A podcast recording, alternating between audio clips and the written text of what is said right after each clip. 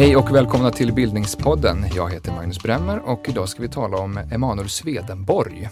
Vi sitter som vanligt här i en studio på Stockholms universitet med två forskare som ska hjälpa oss att förklara fenomenet Swedenborg. Eh, men ni får presentera er själva först. Ja, David Dunér heter jag och eh, jag är idé och lärdomshistoriker från Lunds universitet och eh, jag skrev en avhandling 2004 om Swedenborg och har sysslat med Swedenborg sedan dess i olika sammanhang. Mm. Och jag heter Thomas Götzelius. Jag är litteraturvetare eh, vid Stockholms universitet och eh, håller just nu på med en, eh, en bok om eh, Swedenborgs så kallade drömbok. Som vi får anledning att återkomma till. Mm. Eh, varmt välkomna hit. Tack så mycket. Ska vi börja med, eh, på en halv minut sådär, och förklara. Vem var Emanuel Swedenborg? Vill du göra det David? Ja, eh, han eh, var från början naturvetare. Eh, en svensk naturvetare född 1688. Eh, och blev sedan, händer det någonting kring 1744-1755 där han går över till vad som vi kan uppleva som motsatsen till en, en traditionell naturvetenskaplig rationell tänkare. Han blev andeskådare och började resa iväg i andevärlden och eh, började försöka eh, finna de hemliga budskapen i Bibeln. Så att han, han är både naturvetare och teolog men eh, var väl verksam också framförallt som assessor i Bergskollegium, det svenska Bergskollegiet som hade hand om den viktiga gruvindustrin. Så det var väl hans formella titel, så att säga. Eh, assessor i Bergskollegium. Mm. Fick vi en liten provkarta. Mm. Men vill du Thomas fylla i lite grann om varför vi sitter och pratar om honom en timme här nu? Vad var det mest banbrytande med Swedenborg?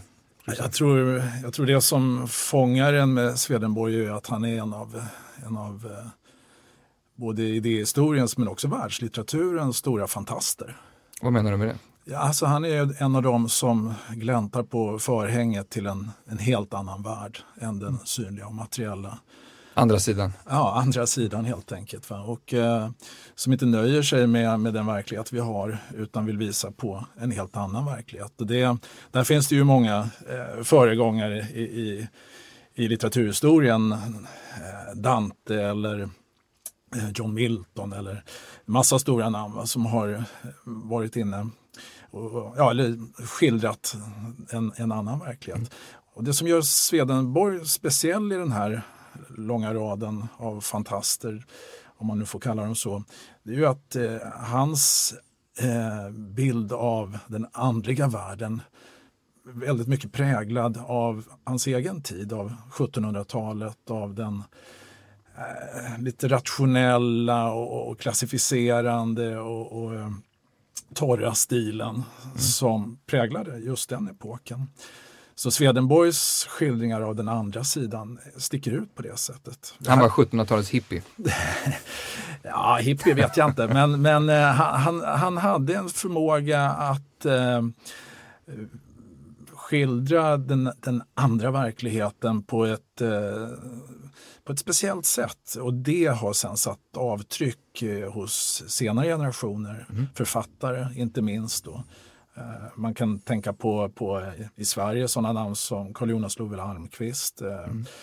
August Strindberg framförallt, men internationellt eh, sådana som eh, Honoré de Balzac, den store mm. franske romanförfattaren. Och senare också en rad eh, välkända modernister som har fångat upp hans tänkande. Och jag tror överhuvudtaget så är, så är Swedenborg ett, ett stort namn i världslitteraturen utanför Sverige, lustigt mm. nog. Och det har ju att göra med det här fantasteriet och att Swedenborg kanske inte är eh, ligger oss så väl i smaken som, som i andra litterära kulturer mm. där, där det fantastiska har, står högre i renommé mm. hos oss. David, vill du fylla på någonting där om det? Nej, men det, det tycker jag är en, en bra beskrivning eh, Thomas gör. Eh, för att Swedenborg, det, det, stora med Swedenborg, eller det som han är, verkligen är en banbrytare, det är att han, han är går in i den här, eh, upptäcker den här oändliga världen vi har inom oss, i våra huvuden. Man skulle kunna kalla honom faktiskt för den mest originella svenska tänkaren vi har haft. Mm. Alltså.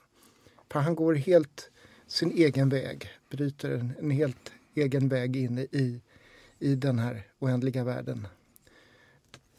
Ni har ju båda då intresserat er för Swedenborg i forskning, men vad var det som väckte intresset en gång i tiden?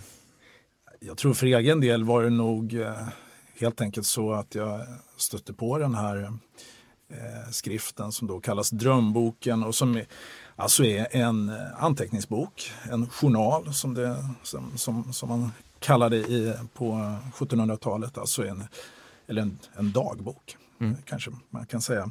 Men eh, en dagbok då som förtecknar eh, nattliga upplevelser, drömmar eh, men också visioner. Och, ja, det är flytande, man, man, eh, man vet inte riktigt vad som är vad. Eh, och det speciella med den här det är att den är, den är liksom nedkastad bara sådär. Man ser verkligen en människa som precis har vaknat till och som fortfarande befinner sig halvt om halvt i drömmen framför sig. Eh, och, och, och eh, försöker fånga det här eh, som, som man har upplevt. Den börjar också mitt i en, i en i övrigt ganska torr resedagbok. Ja, ja, precis. Det är, det är från början en resejournal va, som, som berättar om hur eh, Swedenborg reser från, från Sverige och eh, via Tyskland till eh, Nederländerna. Och, och, eh, och, där plötsligt så bryts allt av och den här andra världen som han då upplever om natten trädde fram. Mm. Eh, och det här är då som sagt nedkastat i all hast som det verkar. Eh, även om det kanske inte är så lätt att kasta ner någonting mm. i all hast på, på 1700-talet. Vi pratar trots allt om någon som ska skriva med fjäderpenna och man måste, ha, man måste ha bläck i ordning, man måste ha skrivsand, man behöver massa saker. Och det, är inte, det är inte bara liksom små Eh, hugga tag i papper och penna för oss. Men det är ett andligt uppvaknande så tydligt som ja, det? Ja, det, är väldigt påtagligt så. Att, eh, men och det starka i det här det är inte bara tror jag att, att eh, det är en så främmande värld som han berättar om. Drömmar kan ju vara främmande för oss alla och det är ju inte det är inte alltid så roligt att höra på någon som berättar om sina drömmar som, som bekant. Va? Men här är det verkligen intressant. Mm. Och jag eh, tror att det som fångade mig var att det är, så, det är en så osminkad beskrivning. Den är inte, pres, den är inte presenterad för någon annan. Han vänder sig inte till någon utan mm. det är bara direkt för eget bruk, för honom Vi ska själv. återkomma till varför mm. det är så intressant, kanske också i den här tiden. Så. David, vill du säga någonting om dina tidiga, kanske också apropå att anledningen till att drömboken är så intressant är väl att Swedenborg var någon helt annan före han började skriva den? Ja, och det, det var väl det som, som fångade mig med Swedenborg, att han var naturvetare och det var det jag framförallt skriver om i, i min bok om Swedenborg. Eh, och han var en väldigt mekanistisk, eh, nästan materialistisk sorts eh, tänkare som, som eh, lyfte fram förnuftet och, och eh, det rationella tänkandet, matematiken, det mekaniska i, i, i människan eh, och i sitt tänkande. Och sen slår han över till något som vi upplever som något helt annat. En tro på en andevärld, på det andliga som det verkligen eh, betydelsefulla och blir teolog. Och, den här kontrasten mellan eh, naturvetenskap och religion eh, intresserade mig för att förstå vad var, hur är detta möjligt och finns det kopplingar mellan religion och naturvetenskap och hur, hur ska man förstå den här personen? Så det var väl där det började för mig att, att, att titta på Swedenborg. Han är ju verkligen en föregångare för, för senare tiders andliga rörelser, spiritism och andra okulta eh, eh, strömningar. Men, men, kan ni säga någonting mer? Ni var inne lite grann på det av liksom, det inflytande som Swedenborgs andliga tänkande haft senare i historien. Mm. Jo men eh, Swedenborg är ju själv alltså eh, ingen religionsstiftare, eh, inte någon som bestämmer sig för att, att eh, hans läsning av Bibeln ska inleda en, ännu en ny kristen kyrka, för han är ju en kristen tänkare då. Utan det är ju först efter, eh, eller i spåren på hans egen insats som andra människor eh, börjar se honom som, som ett slags eh, andlig ljusgestalt som vars eh, eh bilder och texter och skrifter om den, den andra eh, världen eh, på något sätt eh, innehåller en, en sån en sån klarhet och ett sånt ljus så att man måste slå följe med honom och använda hans skrifter som en, en guide till, till den sanna tron. Eh, och, och, och, så. Eh, och då uppstår svedenborgianismen. Mm. Ja, han bildar skola. Verkligen. Ja, han gör det. Alltså, och som sagt, det är inte, det är inte på, på eh, så att säga, inte hans egen ambition. Mm. Han, hans egen ambition är definitivt att uttrycka en sanning om, om människan och världen och Gud. Men eh, inte att, att eh, bilda, eh, bli mm. religionsstiftare. På, Men går det att säga något om den, mest oväntade inspirationen han har gett? Eller den mest oväntade personen som har blivit inspirerad av Swedenborg? Har ni någon sån? Ja, ja, personen vet jag inte, men det som, det som jag, eh, någonting som jag tycker är intressant ändå det är att Eh, de här, rätt tidigt i swedenborgianismen så eh, blir de, hans efterföljare de blir lite eh, en slags utopiskt inriktade. Alltså att man, man vill göra det goda och man drömmer om det goda samhället. Och många av dem som eh, blir swedenborgianer eh, de jobbar mot slaveriet, de jobbar för eh, ja, det goda samhället på olika sätt och en del av dem tar ställning för franska revolutionen och så vidare. Alltså, mm. Så att det, det, finns en slags utopisk kvalitet eh, också i hans, eh, ja, eller åtminstone i receptionen av Swedenborg. Liksom både andlig och politisk? Ja. Det låter lite hippierörelse, Thomas. Ändå. Ja, ja, kanske, kanske. Ja, vi närmar oss där. Ja. okay. det, det, är en ganska rolig historia med, med några tidiga Swedenborgare, August Nordenskjöld och Carl Bernhard Wadström. Mm. Som just inspireras Säg kort vilka det var. Ja, de, de var eh, naturvetare och, intresserade av mystiskt tänkande och influerades av, av, av, av Swedenborg. Och de, eh, de tog fasta på vissa saker hos Swedenborg. Just det där som Thomas var inne på, det utopiska och eh, hade en idé om att starta en Swedenborgsk utopi i Sierra Leone i Afrika för mm. frigivna slavar. Mm. För att hos Swedenborg fanns tanken att det, det ursprungliga tron eller det ursprungliga eh, gudsförhållandet finns i Afrika, i inre Afrika att afrikanerna står närmare guden mm. än många av oss förstörda av den västerländska civilisationen. Eh, så, Någon slags idé om det primitiva? Och, ja, mm. det, och det stämmer väl också Eh, överens med tidsandans mm. och, och tanke om den ädle vilden och så. Men, um, så det är en ganska oväntad eh, koppling. En annan är, är att uh, den uh, haitiske kungen Kristoff som gjorde Haiti självständig från fransmännen skulle ha varit inspirerad av Swedenborg och ville införa swedenborgianismen som som statsreligion i sitt nya mm. kungarike. Eh, ja, det var så, oväntat. Ja, det är lite oväntat. och såg då liksom en, en, en koppling mellan sverobojanismen och voodoo. Mm. Så att de här eh, kopplingarna, eh, Swedenborg-Afrika tycker jag är, är ganska oväntad. Vet du mer om de kopplingarna mellan voodoo och swedenborgianism? Eh, ja, det finns ju alltså... Ja, då kan vi spara det. Då tar vi det som en liten cliffhanger. Eh, det ska vi fördjupa oss i senare i avsnittet. Men ni nämnde också på vägen hit Dostojevskij och andra sådana ja. kända historiska figurer som var inspirerade på olika sätt. Ja, vi har ju en mm. lång rad författare som, mm. som sagt. Mm. Men eh, vi, innan vi kommer för långt, ska vi ta det från början här. Swedenborg är ju stockholmare, men mm. vad vet vi om hans uppväxt? Ja, han är ju född 1688, den 29 januari i Jakobs församling i Stockholm. Och hans far eh, är ju en väldigt känd psalmdiktare och, och sedermera biskop, eh, Jesper Svedberg, som var hovpredikant. Ja just det, Swedenborg blev, eh, Svedberg blev Swedenborg. Så att säga, ja, just det. Eh, familjen, alltså den eh, Kutymen vid den tiden var att, att eh, en biskopsfamilj adlas. Så att familjen blir adlad 1719 eh, då man tar namnet Swedenborg. Mm. Efter en gård i, Dalarna, Sveden, samma gård där Linné senare gifte sig.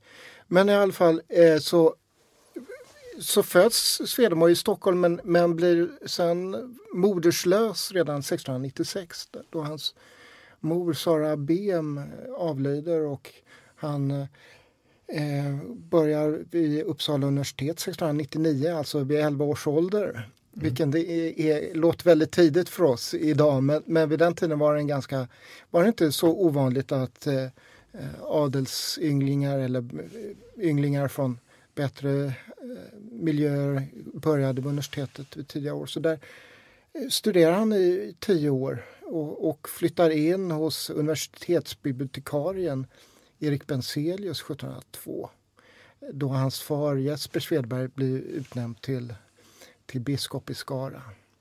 Och disputerar sen 1600, eh, 1699 eh, på en avhandling om några antika sentenser och sen beger sig ut på en femårig eh, Grand Tour i Europa där han besöker olika kända naturvetare och, och universitet och bibliotek. Och, Grand Touren är den här klassiska 1700-tals bildningsresan. Ja, det är, en, det, det är en bildningsresa som, som är en förutsättning för, för att göra en akademisk karriär och, och eh, få kunskap om, om, vad som är, är eh, inne för stunden både inom naturvetenskap men också inom teater och kulturliv.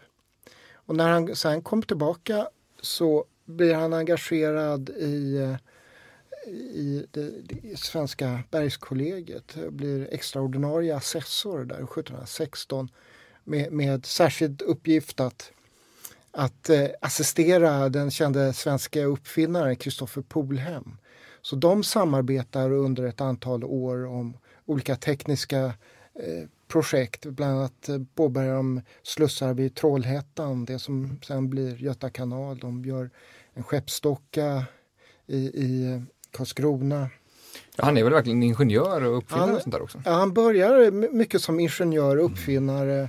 matematiker. Han, han skissar på en flygmaskin. Med fasta vingplan, med fasta... det är väl den första kända med Ja, det är den, jo, det är den första kända. Mm. Tidigare har man ju utgått ifrån flaxande fåglar. Mm. Medan han utvecklar ett glidflygplan. Polhem eh, ratar den idén. Han räknar på det att den kommer vara alldeles för tung så att det kommer krävas alldeles för mycket muskelkraft för att klara av att mm. styra det där. Men, eh, så, Men pro kolla, problematiken mm. är formulerad ändå som den skulle senare komma ja, att besvaras. Så den finns i modell på, på Air and Space Museum i mhm. Washington. Mm. Ja. Så, så det är Han är lite en Sveriges Leonardo da Vinci. Så. Ja, det kan man mm. på sätt och vis säga faktiskt. Men, eh, men nu, jag kallar honom stockholmare, när, när, när kommer han till Stockholm? Ja, han fö mm. född i Stockholm. Stockholm. Mm. Född i Stockholm. Ja, eh, Finns ja, det någon skylt i alla fall? Ja, han bor på Hornsgatan. Han, mm. han köper sig en, ett kvarter där, en Malmgård 1743 i det som kvarteret Mullvaden mm. idag. Eh, och, och, där har han ett hus och, och, bor resten av sitt liv. Men man kan lika gärna säga att han är eh, Londonbo, eh, Londoner. Mm. Ja. Londoner. Därför att han, stora delar av sitt liv Eh, ja, där han också dog ju. Ja, där han också dog. När kom han till London? Ja, han kommer ju dit i omgångar. Alltså första gången kommer han dit 1710 och sen har resan ständigt tillbaka. Och det var under hans första tidiga resor? Och hans mm. tidiga resor. Sen, sen pendlar han mellan London och Stockholm. Mm. Och Amsterdam är han besöker han också väldigt ofta. Men, ja. Men en aspekt med det här med Swedenborg som stockholmare. Eh, kvarteret Mullvaden finns ju än idag. Malmgården finns inte då. Eh, var det, var det, ligger, på Hornsgatan ligger? Det, det, det, ligger där på Hornsgatan 43 eller? Ja, det är 41 och 43. Ja. Alltså det är alldeles bredvid. För de som inte bor i Stockholm, ja. var, var är det? Ja, på Södermalm. Eh, ja, det är sö södra delen av Stockholm. Ja. Eh. eh men, men det, det som, som är lite roligt är att eh, den här Malmgården hade ju då en, en, en trädgårdsanläggning och, eh, som Swedenborg själv var väldigt förtjust i och ägnade mycket tid åt. Eh, och där fanns också ett lusthus och det lusthuset finns ju kvar. Det går ju idag att se på Skansen. Så man kan faktiskt besöka det. Mm. Sen var ju lusthuset en plats där, där gärna vistades och eh, träffade sina sina andliga bekantskaper då mm. eh, i anderiket. Så. Mm. En, en av många platser i och för sig då, eftersom han... Just det, det är bara att bege sig till Skansen och se om andra ja, finns precis, kvar. Ja, precis, man, man får prova på det. Ja. Mm. Han var många saker redan tidigt med civilingenjör mm. och, och, och, kopplingen till Bergskollegium. Han hade väl nära relation till hovet också, eller goda relationer åtminstone? Ja, han träffade ju Karl XII mm. eh, i Lund eh, tillsammans med Kristoffer eh, Polem där, där de sitter och, och eh, diskuterar matematik. Eh, eh Karl XII var ju väldigt intresserad och fascinerad av matematik och de sitter där och eh, diskuterar olika nya sätt att skapa eh, matematik. Ett nytt räknesystem som skulle inte bygga på siffran 10 utan som Karl XII föreslår, siffran 64. Och det får då Swedenborg då i, i, i uppdrag eller i, blir befalld att eh, räkna ut hur det där skulle se ut, ett sånt räknesystem. okay. eh, så att han, han lever ju i, i beskydd av, av Karl XII. Eh, eh, sen när Karl XII dör 1718 så, så förlorar han ju den kraftfulla eh, eh, stödet. Men sen lever han ju ständigt i, i, i eh, den, den översta eliten i, i samhället eh, med, med biskopar, ärkebiskopar, med, med eh, framstående hattpolitiker som, som eh, ger honom ett, ett visst be, beskydd. Eh, vad vet vi mer om, om Swedenborg som, som privatperson eller så? Ja, det, det finns ju beskrivningar av människor som möter Swedenborg eh, i, sin trä, i hans trädgård när han går runt där. Han var ju mycket eh, road av eh, att odla grönsaker och, och blommor. Och där möter de en leende, mager man som är väldigt lugn och inte alls särskilt eh, eh konstig. De upplever honom som en, en rationell, vanlig människa. Och han har ju sina vanor, han lever enkelt och eh, finns beskrivet att han efter, efter en eh, vaknat på morgonen och skriver han ner sina drömmar som han haft under natten och tar en kopp svart kaffe med mycket socker. Särskilt var han fascinerad eller älskade semlor med mjölk.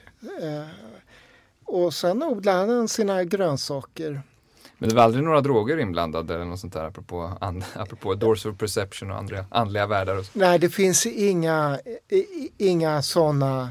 Det finns ibland någon som, som påstår att Swedenborg skulle ha eh, sysslat med opium. Mm. Det är därför han var så ofta i London. Men det där finns det inga historiska källor alls som, som kan okay. bekräfta någonting. Eh, så, så, att... Eh, Däremot så vet vi ju att eh, han ägnade sig åt en speciell andningsteknik mm. som eh, på något sätt påverkade eh, den psykiska funktionen. Och det här var något han hade upptäckt i ganska tidig ålder. Mm. Uh, och sen på, på, så vis då kunde påverka sig själv. Mm. Uh, och, och, här kan man ju naturligtvis spekulera i hur, hur, hur han genom att fysiskt uh, så att säga, preparera sig mm. på det sättet plötsligt blir mottaglig för, för eh, vad ska vi säga, eh, andra typer av erfarenheter. Mm. Det låter lite nyandligt mer mot meditationshållet. Mm. Ja, det mm. påminner om yoga, mm. yogateknik men, som man har upptäckt på egen hand så att säga. Men att han, han eh, slutade andas och lät mm. tankarna strömma genom huvudet. Vi ska ju nu strax ta avstamp in i det andliga via den här drömdagboken, men kan, eh, som han börjar skriva 1744. Vad, går det att säga någonting om, om åren fram till dess, bara helt kort? Är han, är han kvar på Bergskollegium? ja, han är kvar i Bergskollegium. Han blir ju ordinarie assessor eh, 1724. Så att han arbetar i sitt professionella liv som, som en vanlig tjänsteman som gör tjänsteresor och, och eh, utreder olika frågor inom bergsbruket. Men eh, en stor del av sin tid använder han sig för att skriva större verk, i naturvetenskapliga verk. Han skrivit, Vad handlar det om? Ja, en av hans främsta eller stora verk är, heter Principia som är eller naturtingens principer. Mm. Vad, vad, vad, handlar den om? Och, och den, den, handlar om den innersta materiens struktur. Alltså det är en sorts materieteori men också om hur, hur solsystemet bildas. Mm. Där han förebådar det som blir nubularhypotesen, det vill säga hur, hur, hur vårt solsystem skapas utifrån ett stoftmoln och klumpar ihop sig och bildar våra planeter. Så nu är han astronom? Han är både astronom och eh, eh mineralog och eh, metallurg. Mm. Och, eh, det var ju inte helt ovanligt vid den här tiden ska vi säga, nej, det kanske snarare standard, men, men det var väl väldigt ovanligt många eh, titlar, eller? Ja, det är många titlar, alltså för han, han, han är ju inte bara i dessa eh, frågor kring fysik och astronomi. Han går ju sen vidare under 1740-talet till mer anatomiska eh, studier. Intresserad av människokroppens anatomi och fysiologi. Där hans stora fråga var eh, eh hade sin eh, upprinnelse i ett, ett filosofiskt metafysiskt problem som, som fångade många sedan Descartes, den franske filosofen René Descartes som gjorde en stark uppdelning mellan kropp och själ. Mm. Där kroppen är det utsträckta substansen, det som naturvetare sysslar med och själen är det tänkande substansen. Men då uppkommer ju då problemet hur, hur, hur kan kroppen påverka själen och hur kan själen påverka kroppen? Mm. Och det, det är en av de stora problemen för Swedenborg som han försöker efter. Han, hans verk där på 1740-talet heter Regnum Animale, Själens rike, där han är ute efter att ta reda på de här frågorna.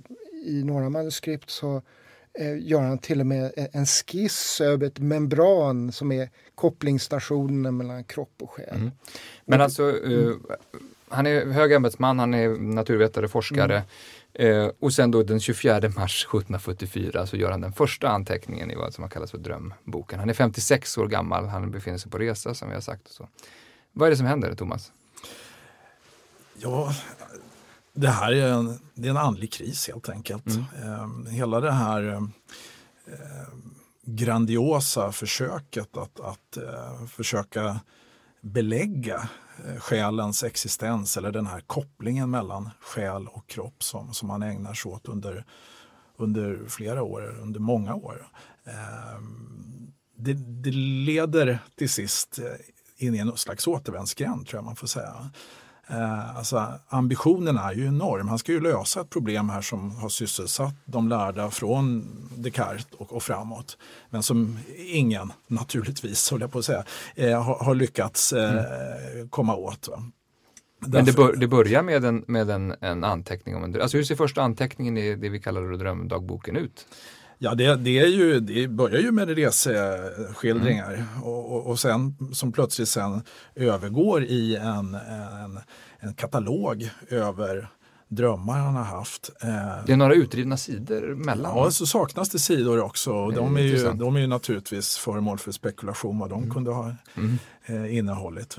Men det, det är en, en, en, han radar upp eh, drömmar han har haft? Ja, det, eller det förstår man åtminstone av, av, på något sätt av sammanhanget att det mm. nog är det.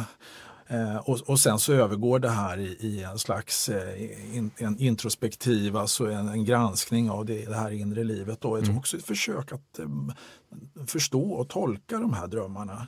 Har du något exempel på hur det kan låta?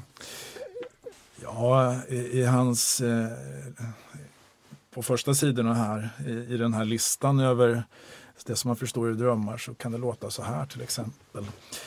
Eh, punkten 11. Hur jag fann att sen jag kom till Haag att driften och egenkärlek för mitt arbete var förgången. Det jag själv undrade på. Hur som hågen för fruntimmer så hastigt ändades som varit min huvudpassion. Hur jag hela tiden bästa sömnen och nätten eh, som varit mer än välljuvlig. Hur mina, hur mina extaser för och efter sömnen mina klara tankar i sakerna. Så här låter det. Alltså, mm. Fragmentariskt, men man förstår att han punktar upp och gör... Ja, det här var den elfte, elfte punkten i listan. Ja, mm. precis. Uh, och det, det, man ser här, det är ju då, det som blir ett tema i, i, i, um, i anteckningsboken. Alltså att uh, å ena sidan, då, det, det här vetenskapliga arbetet, det finns en, en stark drift som, uh, mot det. Men, men det finns också en annan drift här, eh, sexualdriften. Han mm. säger det rakt ut, min passionen för fruntimmer. Då, som har, som har förändrats? Den, den, har förs den har försvunnit här. Mm. Den har försvunnit plötsligt. Eh, och nu är det någonting annat som styr honom.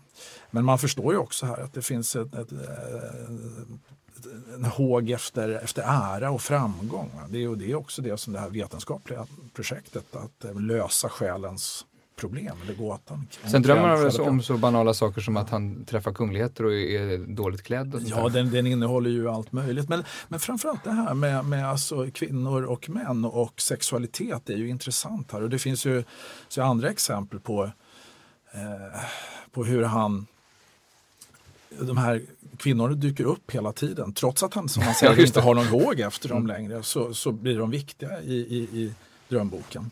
När, när, för I det här arbetet så kommer han till slut till en punkt där han inser att det här är det jag ska få göra fortsättningsvis. Mm. Lämna allt det andra bakom mm. mig. N när sker det? Ja, en berättelse som han själv framförde till en vän långt senare då, men som skulle ha skett i april 1745 eh, var att Swedenborg en kväll gick ut på en krog i London, åt en god middag och i slutet av middagen så började han se konstigheter i rummet och i ena hörnet av, av rummet så är det en man som stirrar på honom och säger Ät icke så mycket. Ät inte så mycket. Ät icke så mycket. Mm. Och Swedenborg eh, blir förskräckt, rusar hemåt och samma natt så framträder det samma man för honom i de här drömmarna och säger sig då vara Herren Gud som mm. har ett budskap till honom. Och från den dagen då så öppnas den andliga världen för Swedenborg och han träder in i denna andevärld som han sedan kommer att resa i, i sina drömmar. Alltså, träffar man Gud på en pub i London så förstår man att det är allvarligt. Men vad, ja. vad är det mer i det här mötet som gör att, att han känner att nu, nu lägger jag bort allt annat, nu är det andelivet som... Alltså, dels kan man ju säga att det här dröm, drömboken är, är ju en, en, en kris han går igenom där han försöker tolka sina drömmar. Sen får han ett, ett, ett budskap om vad det här handlar om. Att, att drömmarna är, är något verkligt för honom. Han träder in i en annan värld, en annan mm. dimension. Eh, vi kan själva känna den känslan av när vi drömmer att det är så verkligt för oss. Mm. Men för Swedenborg så är detta vägen in till eh, den andliga världen. Så han upptäcker att det finns en, en öververklig verklighet bortom den här materiella världen. Den, den så kallade andevärlden som är immateriell, inte har någon materia. Så det, det är ena sidan den här upptäckten av eh, att det finns en annan dimension men också att han får redskap för att eh, tolka Bibeln och hitta eh, de himmelska hemligheterna i Bibeln. Att det finns ett inre budskap i Bibeln som, som han, han får eh, redskap till som kallas korrespondensläran. Som vi kan tala mer om. Men, men som där, där sammanfattar väl du i stort sett Swedenborgs andliga tänkande som vi känner det i, i kort form? Ja, jag skulle väl säga att det, att det är tre bitar kan man säga som, som är, är man kan sammanfatta Swedenborgs eh, religiösa tänkande med. Det ena är, är den här tanken om en andevärld, att det finns en, en värld som vi kommer till efter döden och som Swedenborg då har, har tillgång till och genom sina drömmar eller genom andlig, andliga metoder kan eh, bege sig till. Eh, den andra idén är, är den här korrespondensläran som vi, vi också kan eh, eh, utveckla. Säg något med. kort om, om vad man menar med korrespondens. Ja, korrespondensläran handlar om att, att det finns, varje ord har en inre betydelse. Så att, låt säga ordet häst i Bibeln står inte bara för det här konkreta djuret häst utan det står för förstånd. Och en som, eh, en som rider en häst, en ryttare, är en person som har förstånd. Så varje ord i, i Bibeln har en inre andlig betydelse. Sol betyder Gud medan ljus betyder vishet, värme, solens värme betyder kärlek. Och allt det där i hela Bibeln eh, har alltså en inre eh, betydelse vilket gör att, att det finns ett, eh, en, ett budskap bortom den här eh, konkreta betydelsen som vi läser. Det låter lite okult. Alltså. Eh, ja, eller det, det, är en sorts dechiffreringsmetod. Eh, det, det, är ingen... Eh, det är snarare eh, logik och matematik mm. skulle Swedenborg säga. Mm. Men för en sån det, som Strindberg så var han var väl också snöade väl in på korrespondenser? Ja, det, och... det, det, är liksom inte något, något, något konstig mystisk ingivelse mm. utan det är en ren kalkylering av ordens begrepp. Så. Ja, så den hakar ju också i en mångtusenårig kristen tolkningsmodell för Bibeln där mm där ord har eller, vad ska säga, faktiska betydelser, eh, bokstavliga betydelser och sen så har det en överförd mening eh, en andlig betydelse och sen i nästa led så har det då en själslig och det, det finns sådana här mm. allegoriska modeller för bibelläsning som, som ligger här bakom och, och, och som Swedenborg kan ta fasta på mm. och bygga vidare på i den här korrespondensläran. Mm. Och den tredje punkten då? Ja, det, det, sen är det ju teologiska idéer han har. Eh, till exempel tror han inte på att det, det, är tron som ger, endast tron som leder till frälsning utan det är kombinationen av tro och, och välgärningar. Och han, har, han ifrågasätter också treenighetsläran. Och menar, Hur då? Ja, han menar egentligen att, att vi kan inte tala om tre gudar eh, utan Eh, utan alltså Fadern, Sonen och Fadern, Sonen och den heliga Ande. Ja, utan inte det är, tre personer. Nej, det är inte tre personer. Utan det, det är tre aspekter av samma sak. Mm. Så han har eh, också eh, eh tankar om, om, om eh, att man ska göra nytta och använda sitt förnuft i, i religionen. Så det är, det är inte bara en, en Eh, en frälsningslära utan det är också en mm. väldigt men, rationell, men förnuftig eh, Just det, men i hans tid, uppbygg. om vi tänker mm. Eh, andra 1700-talsprofiler som författaren Källgren eller senare ja. upplysningsfilosofen Immanuel Kant som var båda avfärdade honom som någon sorts tokstolle och sådär. Alltså vad, vad, hur var synen på Swedenborg efter det här skiftet och när han blev liksom en andlig tänkare? Ja, han, han hade ju han eh, ansågs ju som, eh, som märklig, det, som, som du nämner Källgren. Ja, han skrev den här um, Man äger ej snille. För eh, det man är galen. Just det. En, en, en, en känd dikt som, säg något kort om den. Thomas? Nej, det är ju ett angrepp på swedenborgianismen. Alltså, och, och he, hela mm, idén om att, att man skulle kunna ha tillgång till och tala med med andar i en andevärld och så. Va? Eh, för, för, för det annars eh, liksom upplysta och eh, nyttokalkylerande 1700-talet så, så är det här på många sätt eh, någonting störande och, och fnoskigt. Va? Mm. Det, det är liksom någonting tokigt över alltihop. Det blev väl också en process mot Swedenborg för kätteri? Ja, inte mot Eller? Swedenborg själv utan ett, ett par Swedenborgianer i, i, som, som blev eh, eh, som han processade mot. Eh, eh, men Swedenborg lyckades då igenom att vara... Ja, för det var under Swedenborgs livstid? Mm, mm. Precis, men Swedenborg lyckades ju undkomma det här genom att han själv var eh, tillhörde det, det sociala skikt som han gjorde får man väl säga. Mm. tror jag.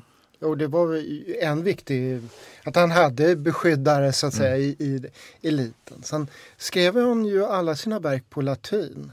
Vilket gjorde att, att han hade ju inte den här Eh, det som hade blivit riktigt farligt hade ju varit om han hade skrivit på svenska och försökt sprida den här och försökt starta en religion. Och, mm. och det var inte det som, som var hans eh, eh, syfte. Drömdagboken är skriven på svenska, men det var ju en helt privat. Eh, ja, det, det är ju nästan det enda som är skrivet på svenska. Intressant i sig. Ja, ja mm. intressant i sig. Ja, det, den drömboken är ju, skulle man nog kunna säga är det mest originella som Swedenborg någonsin har skrivit. Därför just den, den är så privat, den är så utlämnande. Den är, man kommer direkt in i en, en människas psyke. Och den, den sticker ju ut också, inte bara i Swedenborgs egen produktion utan, utan eller, man kanske inte kan ens räkna den till en produktion utan bara ett sånt här dokument som, som eh, mm. bara råkar uppstå. Alltså den, eh, den sticker ut också litteraturhistoriskt. Det, mm. Vi har väldigt få liknande texter som, som, som på så nästan fotografiskt sätt beskriver en inre kris. Mm. Det, det, det, det, finns inte många likheter med det. Uh, hjälp oss att tolka 1700-talssvenskan där, det du läste, hur, hur, hur pass liksom poetiskt eller fritt ja, det, det, När man tittar på det idag så får det ju en poetisk klang nästan, alltså den, den, den här luddigheten eller dunkelheten i det hela eh, blir ju, blir ju, förstärker ju upplevelsen.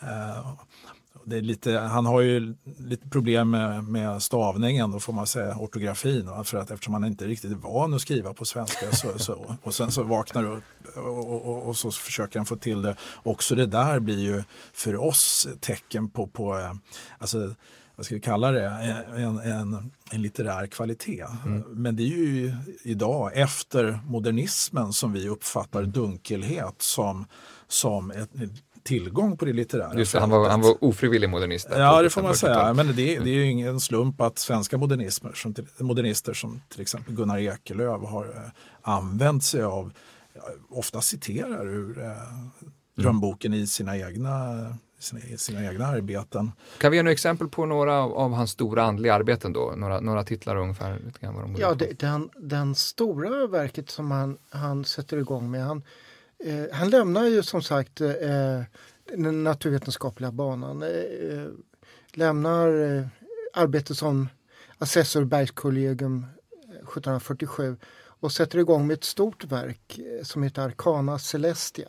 Mm. som betyder himmelska hemligheter. Där han går igenom ord för ord första och större delen av andra Mosebok mm. där han just använder den här korrespondensläran och försöker hitta den här inre meningen i Bibeln. Eh, eh, han skriver det här eh, i åtta band på latin mellan 1749 och 1756. Så det är ju väldigt verk där han går ner i detalj.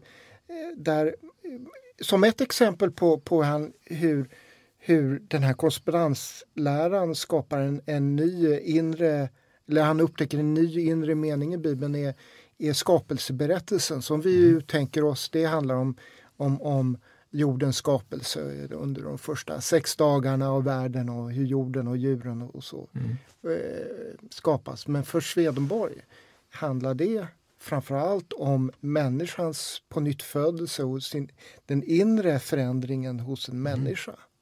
Han har också intresserat sig för något eh, som jag vet att du har intresserat dig för, eh, astroteologi. Men vad är, vad är det egentligen? Ja, astroteologi var ju eh, eh, en, en tanke om att när vi tittar på stjärnhimlen, tittar på denna fantastiska himmelsmekanik i naturvetenskapen eh, så har denna skapats av en gud. Det är ett sorts eh, gudsbevis.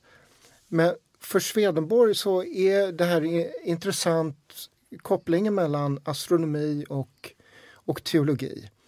Eh, som naturvetare så är han inne på de här frågorna och försöker förstå, eh, sammanjämka ehm, eh, eh Bibelns ord med, med de naturvetenskapliga rönen för, från sin tid. I några tidigare verk från 1710-talet så talar han om, om va, va, hur kommer det sig att eh, vissa människor i Bibeln eh, blev 800-900 år gamla mm. för, för.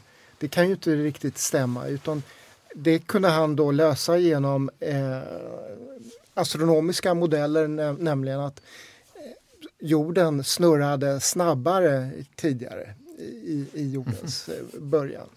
Så det är ett hybridtänkande? Ja, det, liksom. det, är ett sätt att, det, så börjar för, för Swedenborg. Men sen skriver han ett, ett verk också som eh, teolog eller som andeskådare. Han lämnar aldrig naturvetenskapen egentligen. Han, han är fortfarande väl liksom, eh, ser värdet av naturvetenskap. Och han skriver ett verk eh, som heter Om jordkloten i vår solvärld, heter titeln på, mm. på svenska, 1758.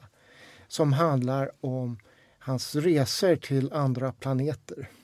Det, det låter eh, ganska märkligt för oss. Eh, eh, men det är ju resor i den andliga världen, den här andra dimensionen. Så ju, han reser inte till våra planeter. Men han, han åker till Mars och Venus, eh, även till andra planeter i andra solsystem där han träffar eh, utomjordingar eller marsianer, eh, venusianer och diskuterar teologi och filosofi. Och, mm. och, och, och, det var ingen konstig tanke egentligen vid den här tiden eh, att tro att det skulle kunna finnas liv på andra planeter.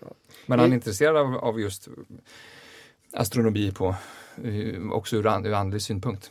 Ja, mm. eh, alltså han, han skriver i, i, de här, i det här verket om, om att Gud som är allskapare eller har skapat allting, han kan ju inte ha, ha fyllt universum med bara döda planeter utan det måste finnas liv på andra planeter. Mm. Så det var, det var ingen märklig idé. Vi har en eh, annan samtida, Immanuel Kant, filosofen som, som också fast eh, trodde på, på att det finns liv på andra planeter. Mm. Men det var ändå ett, ett problem där som, som, som, han försökte lösa. Hur kommer det sig att Kristus har stigit ner på vår mm. jord? Hur kommer det sig att han mm. finns här? Hans förklaring där är att vi har någonting som är unikt som inte finns på andra planeter i vårt solsystem i alla fall. Det är boktryckarkonsten. Så vi kan mm. sprida Bibeln och det gudomliga budskapet genom tryckkonsten. Det känns väldigt konkret och väldigt far out på samma gång. Ja. Och Age of Aquarius, är det inte lite hippie här ändå Thomas? ja, vi har fått en provkarta i alla fall över vad. Men, men eh, vill du lägga till någonting om, om så att säga, hans andliga storverk? ja, alltså man kan titta på de här många skrifterna då som han skrev. Så mycket av det är ju bibeltolkning och sen så finns det ju insprängt i dem och sen i de andra verken också just de här skildringarna från av andelivet. Då. Och, eh, och man kan väl säga att det som kvarstår och som, som, som i någon mån ändå är läsbart idag det är ju framförallt de här eh, andliga beskrivningarna där, där han flanerar kan man väl säga i and, andevärlden. Mm. Eh, det, är ju, det är ju otroligt speciellt. Alltså det är ju en pers person då som under fyra decennier ägnar sig åt sådana här promenader med andar och, och som om det vore självklart. Att, ja, och, och, och, nedtecknar det och ser till att få det tryckt. Då. Eh, och, och, samtidigt går runt i, i, i, London eller hemma i sin trädgård eh, på, på Södermalm. Mm. Två världar står, står öppna för honom hela tiden. Ja, han, han möter ju en Platon, Descartes, eh, även Mohammed. Ja, andevärlden är full av eh, kändisar. Full av kändisar. Alla döda gamla filosofer och teologer möter han och ja. invecklar sig i hårda debatter om, om, eh, om, om, om Gud och filosofiska frågor. Så, så han reser omkring i den här världen som ju är immateriell och där, där förändring och resor inte sker i det fysiska rummet utan genom andliga tillståndsförändringar. Så att så fort man tänker på någon annan så finns den personen bredvid en. Det är ett väldigt bra berättargrepp också. Ja, ja. inte ha kalkylerat med det. Verkligen. Samtidigt måste man ju säga det att alltså Swedenborg är ju är ju ingen stor författare mm. i den bemärkelsen att, att eh, de enskilda verken eh, griper tag i en eller att de är, de är skrivna med, med en glöd som, som de här eh, berättelserna mm. som vi nu sitter här och återigen hur, hur... Kanske, kanske antyder, för så är det inte utan det, utan det är latinska luntor. Va? Och, och eh, han, han, har inte den pretensionen heller utan det här liksom ja, så händer det här och sen så händer det här och, och en vissa Men hur, hur, läs, finns, hur läsbar men... är han i, i översättning? Hur översätter han? Ja, översättningar finns ju. Mm. Det, det, har ju swedenborgianerna om inte annat sett mm, till då, mm. alltså de som fortfarande eh, den, den, kyrka som uppstod i hans namn och, och, som än idag har anhängare. Där har man ju sett till att översätta det mesta, framförallt till engelska. Men man kan följa med på de här vandringarna? Det ja, ja, ja, precis, mm. precis. Han, är ju, han är ju vid sidan av Astrid Lindgren faktiskt eh, en av, av Sveriges mest eh, översatta författare mm. till ett stort antal språk. Till gujarati och soto och eh, japanska och ryska, mm. alla möjliga språk. Så han mm. Det säger något om hur inflytelserik han var och, och spridningen. Ja, det, av spridning och mm. intresset för, för det. Men, men hans, eh, som Thomas säger så är han kanske inte någon stor litterär författare. Men, mm. men, men det finns eh, en intressant, tycker jag, kontraster mellan Ibland eh, hamnar han i, i poetiska, vackra beskrivningar om om, om landskap eller av, av miljöer i den här andevärlden. Och sen kommer han in på rent logiska, matematiska, rationella eh, resonemang. Mm. Så att eh, det, det, det, det, finns en, ett, ett väldigt rationalistiskt, förnuftigt angreppssätt också i, i de här texterna. Mm. Det, man, man slås av, detta, hur, hur han delar upp allting i, i dikotomier eller delar Så ett begrepp i två... Motställningar? Eller? Ja, i motställningar eller tvådelade eller tredelade begrepp och kan mm. liksom benar upp eh, begreppen. Vilket osökt leder oss in på voodoo. vill, du förklara, vill du förklara nu, vad, vad, hur, hur, hur, hur blev eh, Swedenborg en voodoo-tänkare i Haiti?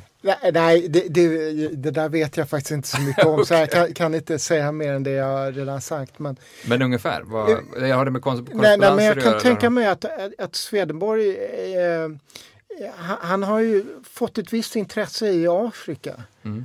Och, och, och, just detta, för oss moderna västerlänningar så kan vi ju tycka att det här med drömmar och eh, att kontakta andar eller att det finns en annan dimension tycker vi är konstigt. Men i, det kan man ju tycka på andra håll också. Ja, det kan man ju också göra. Men, men naturligtvis, men, men, men i kulturer där man kanske har en större öppenhet för detta, denna möjlighet. I Afrika eller, eller i länder med voodoo eh, så, så, så så ser man inte det som så konstigt. Eller att, att man det har med den där parallella dimensionen att göra. Ja. Mm. Men, eh, men det, det, är egentligen bara en parentes i mm. Svedmors tänkande. Intressant ändå. Vad, vad, vad, vad, skulle ni säga att ni ser hans influenser idag? Förutom på Haiti menar du? Ja, precis. Han är, har han, alltså, inom, inom så här, dagens new age, är han en eh, figur? Man? Nej, jag skulle väl inte säga det. Alltså, jag, jag, jag tycker överhuvudtaget att, att, att, att vi tolkar eh, kanske eh, som, som, som Swedenborg som en mystiker, som en, en märklig, men eh, men jag tycker han tvärtom inte alls är en, en mystiker i, i traditionell mening. Alltså att tron på att det finns ett, ett hemligt budskap som vi måste bli ingivna i. Eller, utan snarare är han en väldigt rationalistisk tänkare. Att, att, att det finns, eh, eh, vi, finns en metod att, att komma åt den, det hemliga budskapet i Bibeln. Den mm. inre be, betydelsen mm. i Bibeln. Mm. Och att vi kan förstå Bibeln. Precis, det krävs inte att du är så att säga utvald för, på något mm. sätt eller genomgår någon slags eh, eh, rituell upplysning, eh, bli invigd eller så, utan det, det är öppet. Ja, jag tycker att han, att han är, är faktiskt mycket av sin tid ändå en upplysningstänkare. Mm. Mm. Tron på förnuftets väg till, till kunskap. Man kan ju se 1800-talets väckelserörelse är del av en demokratisk process också. Mm. Mm. Men, vilket inflytande skulle du säga att han hade där? Eh, jag, jag, tror inte att det har haft något större inflytande. Det är klart att det fanns den här utopiska kraften i, i den tidiga swedenborgianismen. Med, med, så.